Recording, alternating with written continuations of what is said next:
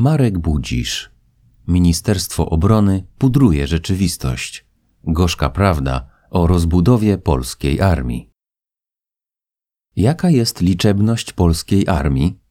Udzielenie odpowiedzi na to, zdawałoby się proste pytanie, nie jest w naszych realiach łatwe, a nawet może stać się przedmiotem ostrych kontrowersji. Rządzący mają skłonność do podkreślania swoich sukcesów w odbudowie potencjału kadrowego i zdolności sił zbrojnych. Z kolei opozycja zarzuca kierownictwu resortu obrony statystyczne sztuczki w postaci zaliczania do stanu osobowego armii pracowników tyłów w rodzaju obsługi medycznej czy administracyjnej. Odpowiedzi na to pytanie nie ułatwia też panujący w Polsce kult tajności, co powoduje, że inaczej niż w przypadku naszych sojuszników ze Stanów Zjednoczonych czy Wielkiej Brytanii, nie ma u nas zwyczaju regularnego publikowania porównywalnych i wiarygodnych danych. Obóz rządzący podtrzymuje zapowiedzi rozbudowy naszych sił zbrojnych do poziomu 250 tysięcy żołnierzy oraz oficerów i dodatkowo 50 tysięcy w wojskach obrony terytorialnej i deklaruje, że jest na najlepszej drodze do realizacji tego celu. Nasi sojusznicy poważnie traktują te deklaracje, upatrując w Polsce rosnącą, a nawet największą w zakresie sił lądowych potęgę kontynentalnej części NATO. A jak jest naprawdę? Oficjalnie MON twierdzi, że obecnie mamy pod bronią 172 tysiące żołnierzy, co ma nas pozytywnie odróżniać od sytuacji roku 2014, kiedy to w wyniku redukcji stanów osobowych i likwidacji garnizonów cytat, mieliśmy w wojsku 95 tysięcy żołnierzy. Z danych NIK wynika, że na koniec 2022 roku liczba żołnierzy zawodowych w polskich siłach zbrojnych wynosiła 118 340, a służących w wojskach obrony terytorialnej 31 370.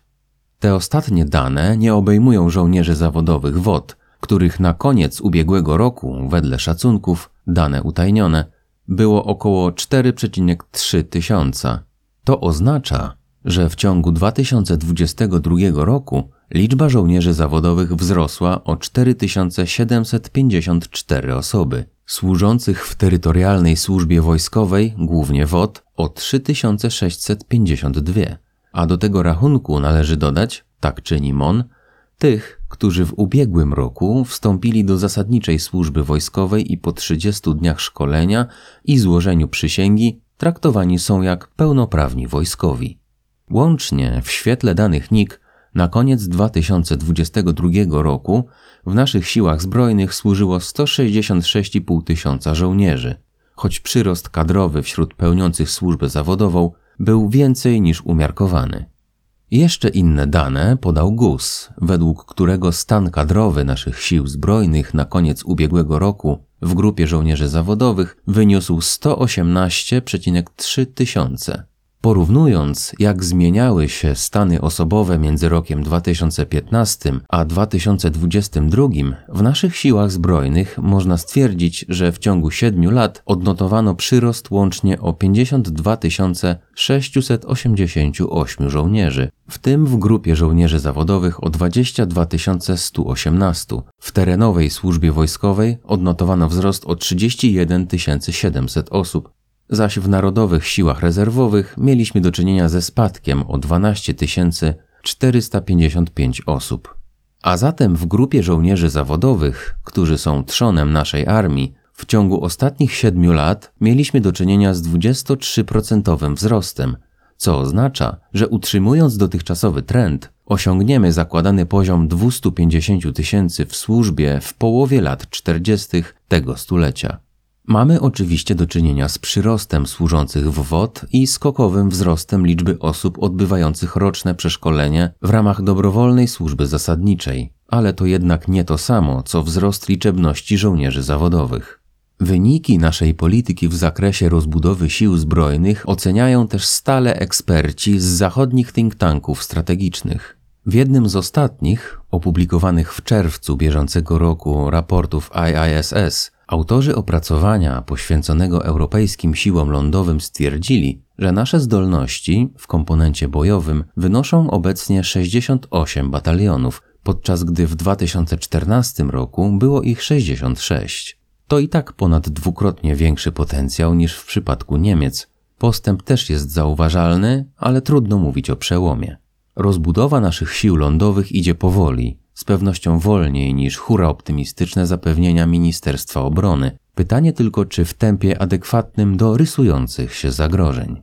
Warto też zwrócić uwagę na kolejny problem, a mianowicie poziom wyszkolenia tego nowego narybku naszych sił zbrojnych. Jak na początku czerwca bieżącego roku pan minister Błaszczak powiedział, a jego słowa przytoczono w oficjalnym portalu resortu, że ci, którzy, cytat, ukończyli szkolenie podstawowe w ramach dobrowolnej zasadniczej służby wojskowej, koniec cytatu, i złożyli przysięgę wojskową, są już traktowani przez nasze siły zbrojne w kategoriach przeszkolonych rezerwistów. Wielce to intrygująca informacja, bo jak wynika z innych, ale też rządowych źródeł, szkolenie podstawowe jest dwuetapowe. Pierwsza faza, która kończy się złożeniem przysięgi, trwa 28 dni, a to oznacza, jeśli dobrze zrozumiałem wypowiedź pana ministra, że po tym czasie uważamy, że mamy do czynienia z przeszkolonymi rezerwistami. Pozwala nam to do pewnego stopnia zrozumieć, jakie są źródła sukcesu MON raportującego o skokowym wzroście liczebności sił zbrojnych. Ale czy z punktu widzenia umiejętności wojskowych w istocie możemy w tym przypadku mówić o sukcesie polityki tego rodzaju? Jan Kalberg z US Military Academy, opisując system szkolenia ukraińskiej armii, zwrócił uwagę w artykule opublikowanym na internetowej stronie think tanku strategicznego SIPA, że jednym z zasadniczych czynników wpływających zarówno na długość, jak i na efektywność szkolenia żołnierzy jest wielkość korpusu podoficerskiego i to, czy szkolimy surowych rekrutów, czy doszkalamy żołnierzy mających już doświadczenie bojowe. W przypadku Ukrainy, gdzie w momencie wybuchu wojny było 400 tysięcy weteranów, którzy uczestniczyli w działaniach frontowych po roku 2014, system szkolenia mógł być skrócony, ale jeśli chodzi o państwa NATO, pozbawione tego rodzaju zasobu, trzeba liczyć się wręcz z wydłużeniem tego czasu.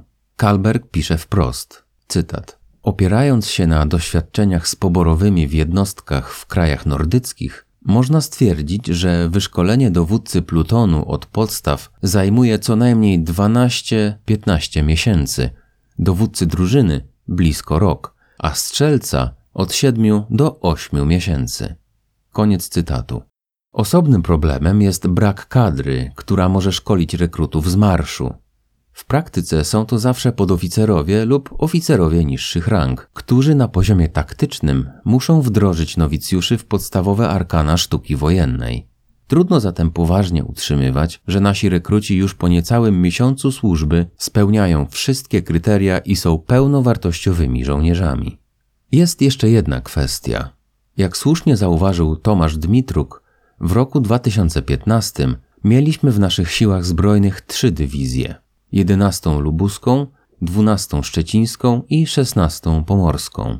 Teraz zaś mamy prócz tych trzech starych jeszcze dwie kolejne, które są formowane. 18 żelazną i pierwszą piechoty legionów. I zapowiedź powołania kolejnego związku taktycznego, który ma być dyslokowany na południowym Mazowszu. Porównując jednak stany osobowe żołnierzy zawodowych w roku 2015 z danymi za rok ubiegły, można dojść do wniosku, że decyzje te oznaczają faktyczny spadek o 25% ukompletowania istniejących i tworzonych związków taktycznych. Jeszcze przed wojną na Ukrainie analitycy szwedzkiego think tanku strategicznego FOI szacowali poziom ukompletowania naszych dywizji na maksymalnie 75%, a teraz wskaźnik ten jeszcze zmaleje. O tym, z jakim problemem mamy do czynienia, świadczą obliczenia Dmitruka, którego zdaniem, aby mówić o pełnym ukompletowaniu planowanych sześciu związków taktycznych w siłach lądowych, brakuje nam obecnie co najmniej 100 tysięcy żołnierzy i oficerów zawodowych, nie mówiąc już o zapewnieniu im rezerw osobowych, których dzisiaj nie ma. Oznacza to, że mamy armię jednorazowego użytku. Jest to o tyle istotne, że przeprowadzone jeszcze w 2015 roku szacunki strat sił natowskich w razie scenariusza pełnoskalowego konfliktu kinetycznego z Federacją Rosyjską w wariancie optymistycznym zakładają straty dzienne na poziomie 1200 żołnierzy, a w przypadku Rosjan na 2,5 tysiąca. W pesymistycznym wariancie nasze straty wynoszą 2,66 tysiąca dziennie, a rosyjskie 1,125 tysiąca. Przez straty należy rozumieć żołnierzy trwale wyeliminowanych z walki, nie tylko zabitych. Warto zauważyć, że relacja strat między siłami rosyjskimi i ukraińskimi po 18 miesiącach walki układa się według scenariusza pozytywnego i wynosi 1 do 2. Jeśli zatem założyć, że to nasze wojska lądowe dostarczą główną kontrybucję sił walczących na wschodniej flance, to po stu dniach wojny może okazać się, że przy obecnym ich stanie liczebnym i wielkości rezerwy nie mamy już armii. Jest to o tyle istotne, że Amerykanie nie rozbudowują swych sił lądowych na tyle, aby móc poważnie twierdzić, że myślą o przyjęciu na swoje barki głównego ciężaru ewentualnej wojny z Federacją Rosyjską. Wynika to zarówno z kryzysu rekrutacyjnego, który przeżywa obecnie amerykańska armia, która nie jest w stanie przyciągnąć tylu ochotników, ilu zamierzała, jak i z założeń przygotowywanej reformy, zbiorczo określanej mianem Armia 2030. Amerykańska armia przyszłości, siły lądowe, ma składać się z kilku podstawowych komponentów formacji zadaniowych. Mowa jest o trzech ciężkich, przełamaniowych dywizjach pancernych, których zadaniem będzie przebicie się przez linię obrony przeciwnika. Mają to być dywizje czterobrygadowe, z których trzy będą działały w ramach tzw. Tak brygadowych zespołów bojowych Brigade Combat Teams z ciężkim komponentem pancernym, które budowane będą na bazie istniejących pierwszej Dywizji Kawalerii, pierwszej Dywizji Pancernej i 34 Dywizji Piechoty. Odpowiednio wzmocnione mają one być główną siłą ciężką w amerykańskich wojskach lądowych. Ich potencjał ogniowy, artyleryjski ma zostać rozbudowany, bo dotychczas nawet tak zwane ciężkie dywizje amerykańskie były znacznie słabsze od rosyjskich, podobnie jak zdolności inżynieryjne niezbędne do pokonywania barier i rzek. W świetle oficjalnych dokumentów ich obszar odpowiedzialności ma obejmować od 18 do 28 km frontu w sytuacji, kiedy korpus odpowiada za odcinek o szerokości od 55 do 85 km, a armia do 250 km. Jednocześnie długość granicy NATO z Federacją Rosyjską przekracza obecnie 2000 kilometrów. Nawet nie biorąc pod uwagę perspektywy członkostwa Ukrainy w Pakcie Północnoatlantyckim, plany utworzenia przez amerykańskie siły lądowe docelowo jedynie trzech ciężkich dywizji pancernych oznaczają, że to inni sojusznicy będą musieli wnieść w tym segmencie swoją kontrybucję. W przeciwnym przypadku, z wojskowego punktu widzenia, NATO będzie miało jedynie ograniczone możliwości przełamania linii rosyjskich. Oczywiście można powiedzieć, i jest to prawda, że potencjał ten będzie wzmacniany przez lżejsze formacje o mniejszej sile ognia. W ramach planu Armia 2030 amerykańskie siły lądowe mają utrzymać cztery docelowo dywizje w dotychczasowej nomenklaturze określane mianem pancernych Armor Divisions. Mają to być formacje bardziej uniwersalne, z większą liczbą żołnierzy, mogących się szybko przemieszczać, choć w ich skład będą wchodziły trzy brygady. Analitycy portalu Battle Order zwracają uwagę na fakt, że trzonem amerykańskich sił lądowych w docelowym modelu Armii 2030 będą dywizje lekkie, mobilne, ale relatywnie słabo uzbrojone. Model ten będą uzupełniały dywizje szturmowe 101 Dywizja i powietrzno-desantowe 82 Dywizja. Jeśli analizować strukturę dywizji lekkich, z których każda posiadała będzie trzy brygady uderzeniowe, to każda z nich składała się będzie z pięciu batalionów, z których jednak trzy oznaczone są jako Con US, a dwie o Con US. Cóż to znaczy?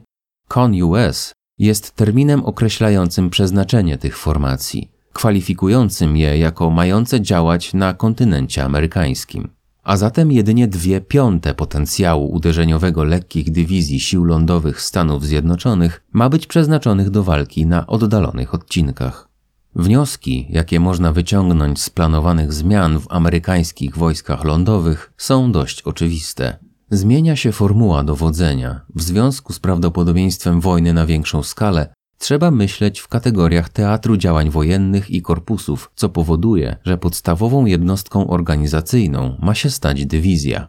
Ale czy Amerykanie planują skokowe zwiększenie swego potencjału w tym zakresie? W 2022 roku 11 z 31 aktywnych brygad manewrowych w amerykańskich siłach lądowych można było klasyfikować jako ciężkie. W roku 2030 ma ich być 17. To nie jest mało, ale jako że amerykańska strategia zakłada ryzyko wojny na dwa fronty i konieczność utrzymania sił na kontynencie amerykańskim, w najbliższych latach trudno będzie liczyć na skokowy wzrost obecności naszego głównego sojusznika na wschodniej flance. Wręcz przeciwnie, przywiązanie do formuły lekkich dywizji, które można łatwo dyslokować na znaczne odległości, świadczy o tym, że dowództwo amerykańskich sił zbrojnych chce dysponować siłami, których będzie mogło użyć zarówno w ewentualnej wojnie z Rosją w Europie, jak i w razie wybuchu konfliktu w Azji. Nowa architektura bezpieczeństwa na wschodniej flance NATO, której budowę potwierdzono w toku ostatniego szczytu Paktu Północnoatlantyckiego w Wilnie, zakłada powołanie 300-tysięcznego korpusu, dowodzonego przez amerykańskiego generała. Korpus ten byłby w stanie wejść do działań wojennych w ciągu do 30 dni od wydania rozkazu. Z tego pierwsze 100 tysięcy żołnierzy musi być gotowe w ciągu 7 dni. To państwa naszego regionu będą budować te siły. Amerykanie wesprą je swoim potencjałem i dostarczą zdolności, którymi my nie dysponujemy. Zwiat, rozpoznanie, łączność, zdolności kosmiczne, lotnictwo, broń precyzyjna, etc. Ale z pewnością nie myślą o przyjęciu na siebie głównego ciężaru walk. Ta rola, szczególnie w zakresie sił lądowych, zarezerwowana została dla Europejczyków ze wschodu i może jeszcze Niemców, o ile obudzą się ze swej strategicznej drzemki. To dlatego tak uważnie na Zachodzie obserwuje się postępy Polski w zakresie rozbudowy potencjału militarnego. Bez naszej kontrybucji wschodnia flanka NATO będzie równie osłabiona jak za czasów, kiedy w europejskich stolicach wierzono, że Federacja Rosyjska jest cywilizowanym i wiarygodnym partnerem, z którym można budować przyszłość. Często przywoływana cezura roku 2030 jest w tym przypadku nieprzypadkowa, bo wielu zachodnich analityków, w tym szefowie amerykańskich służb specjalnych, jest przekonanych, że Rosja będzie potrzebowała od 5 do 10 lat na odbudowanie swego potencjału wojskowego. A zatem Waszyngton kibicuje wysiłkom Warszawy i wierzy, że deklarację o 300-tysięcznych siłach zbrojnych uda się zrealizować. Osobną kwestią jest to, czy odpowiada nam rola dostarczyciela sił, na których spoczywał będzie główny ciężar walk, jeśli wojna wybuchnie, a co za tym idzie, również takich, które poniosą największe straty. Jednak jeśli okaże się, że nasze plany i ambitne deklaracje są jedynie programem, którego nie udaje się zrealizować, to nie tylko ucierpi na tym, i to dramatycznie, nasza wiarygodność sojusznicza, ale w nie mniejszym stopniu również nasze bezpieczeństwo. Sprawa jest zatem zbyt poważna, aby przyglądać się, jak resort obrony pudruje rzeczywistość, przekonując opinię publiczną, że jesteśmy na dobrej drodze do stworzenia 300-tysięcznej, nowoczesnej armii. Tak nie jest i najbardziej śmiałe deklaracje nie przysłonią faktu, że bez powrotu do powszechnego obowiązku obrony nie zbudujemy takiego potencjału.